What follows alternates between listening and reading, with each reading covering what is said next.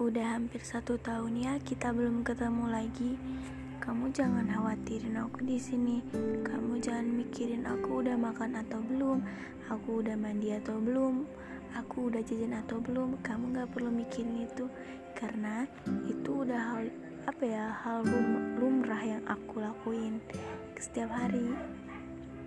Aku harap kamu baik-baik aja ya di sana, walaupun kita sering chatan, tapi Rasanya kurang kalau tidak bertemu, betul tidak?